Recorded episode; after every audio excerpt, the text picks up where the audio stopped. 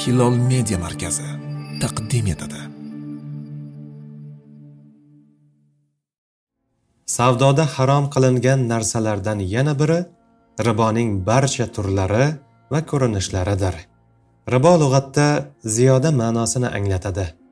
Shariatda esa molni molga almashtirishda evazsiz ortiqcha mol olishga aytiladi. Ribo ya'ni sudxo'rlik bechoralarning nochorligidan foydalanib ularning mehnati evaziga boylik orttirishdan iboratdir. Bir inson nochor bo'lib ish yuritishga oila tebratib bola chaqa boqishga sarmoyasi qolmay puldor kishining oldiga hojatini aytib borsa unga sadaqa yoki yaxshi qarz berishning o'rniga sudxo'rlik yuzasidan muomala qiladi. Ya'ni men senga ma'lum muddatga ma'lum miqdor pul beraman sen bu pulni buncha foizga ko'paytirib berasan deydi. Agar tayinlangan muddatdan kech qolsa yana ustiga foiz qo'shiladi va hokazo. Islom johiliyatdagi noma'qul ishlardan hech biriga qarshi riboga qarshi o't ochgandek o't ochmagan. Qur'oni karimda bu haqda bir qancha oyatlar kelgan. Alloh taolo baqara surasida marhamat qiladi.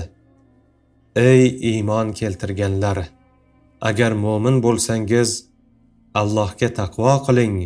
Va riboning sarqitini ham tashlang. 278 oyat.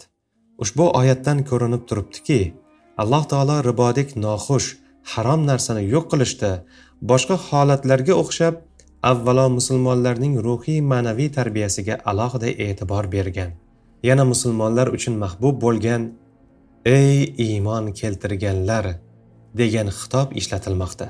Ketidan agar mo'min bo'lsangiz deb yana iymonni oraga solmoqda va nihoyat allohga taqvo qiling deb taqvodor bo'lishga chaqirmoqda. Oxiri kelib riboning sarqitini ham tark qilishga amr etmoqda. Islomda hukm yuritishning eng ta'sirchan yo'li tashqi kuchlarni ishga solish emas balki har bir odamning qalbini o'ziga kuzatuvchi qilib qo'yishdir.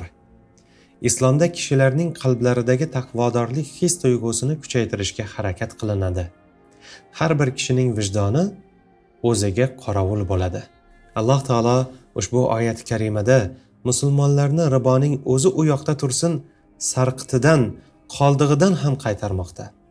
Bu ma'noni alohida ta'kidlash uchun keyingi oyatda gapning po'skallasini ochiq oydin aytib qo'ymoqda. Agar unday qilmasangiz alloh va uning rasuli tomonidan bo'ladigan urushga ishonavering agar tavba qilsangiz sarmoyangiz o'zingizga. Zulm qilmassiz va sizga ham zulm qilinmas.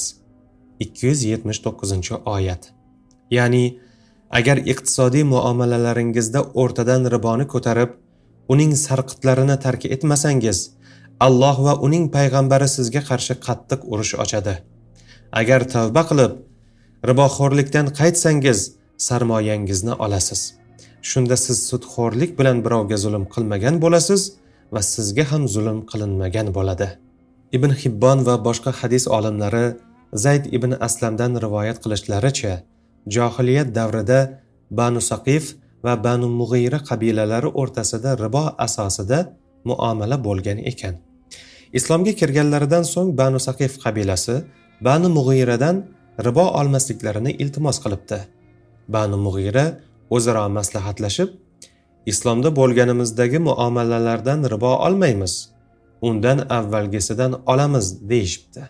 O'sha paytda makkai mukarramada boshliq bo'lib turgan itban ibn usayd roziyallohu anhu bu haqda payg'ambarimiz alayhissalotu vassalomga xat yozganlarida ey iymon keltirganlar agar mo'min bo'lsangiz allohga taqvo qiling va riboning sarqitini ham tashlang.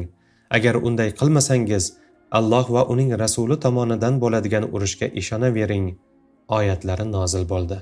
Payg'ambar alayhissalotu vassalom bu haqda itban ibn usayd roziyallohu anhuga xabar berdilar va u kishini agar banu mug'ira riboxo'rlikni tark qilmasalar ularga qarshi urush qilishga buyurdilar. Xabari yetganda banu mug'ira tavba qilamiz riboning sarqitini ham tashlaymiz dedilar. Demak islomda ribo asosida moliyaviy aloqa olib borish mutlaqo harom qilingan. Nochor holga tushib turmush o'tkazish yoki ish yuritish uchun sarmoyaga muhtoj bo'lib qolgan shaxs bilan xayri ehson yoki yaxshi qarz berish ila moliyaviy aloqa olib borish lozim. Jobir roziyallohu anhudan rivoyat qilinadi. Rasululloh sollallohu alayhi vasallam riboxo'rni uning yediruvchisini kotibini hamda ikki shohidini la'natladilar va ular gunohda barobardirlar dedilar. Muslim abu dovud va termiziy rivoyat qilishgan.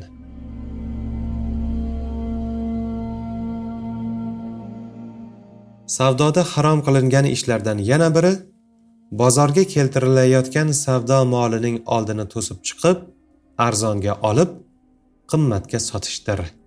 Ibn umar roziyallohu anhudan rivoyat qilinadi. Nabiy sollallohu alayhi vasallam savdo mollarini bozorlarga tushmasidan oldin to'sib chiqishdan qaytardilar. Imom ahmad rivoyat qilgan. Ushbu hadisi sharifda bozor qoidalaridan yana biri bayon etilmoqda. Bozor atrofida aylanib yurib oson yo'l bilan boylik orttirish maqsadida narx navoning o'sishiga sabab bo'ladigan kishilarning ishi noto'g'ri ekani bayon qilinmoqda. Ya'ni bu tashqaridan bozorga o'z mahsulotlarini sotgani olib kelayotganlarning oldini to'sib chiqib bozordagi narxni bilmaslaridan oldin arzon garov sotib olmanglar deganlaridir. Johiliyat davrida shunday qiladiganlar bor edi. Hazrati abdulloh ibn umar roziyallohu anhu o'zlari biz ulov minganlarning oldini to'sib chiqib bozorga kelmaslaridan oldin taomlarini sotib olar edik. Deganlar. Sahroda qishloqda yashaydigan kishilar odatda bozordagi narxdan yaxshi xabardor bo'lishmaydi. Savdo sotiq ishlarida shahar aholisi kabi ustamon ham bo'lishmaydi. Shuning uchun yo'lini to'sib chiqib molini sotib olmoqchi bo'lgan odamga arzonga sotib qo'yishi mumkin. Natijada u ham bozorga keladigan oddiy kishilar ham zarar ko'radilar. Ammo bozorga kelib vaziyatni o'z ko'zi bilan ko'rib mulohaza qilib sotgani yaxshi bo'ladi agar bir kishi o'z molini oldini to'sib chiqqan chayqovchiga sotsa-yu, keyin bozorga kelib narx navoni ko'rib aynib qolsa, molini qaytarib olishga haqqi bor.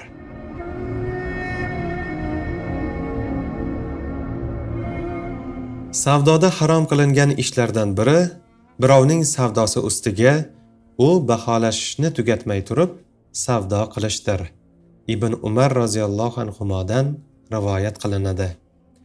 Nabiy sollallohu alayhi vasallam kishi o'z birodarining savdosi ustiga savdo qilmasin o'z birodari sovchiligi ustiga sovchilik qilmasin faqat unga o'zi izn bersa mayli dedilar. Buxoriy muslim abu dovud termiziy va nasoiy rivoyat qilishgan. Boshqa bir rivoyatda musulmon o'z birodarining savdolashishi ustiga savdolashmasin deyilgan. Ushbu hadisi sharifda savdoda sodir bo'lib turadigan ikki xil ishdan nahiy qilinmoqda.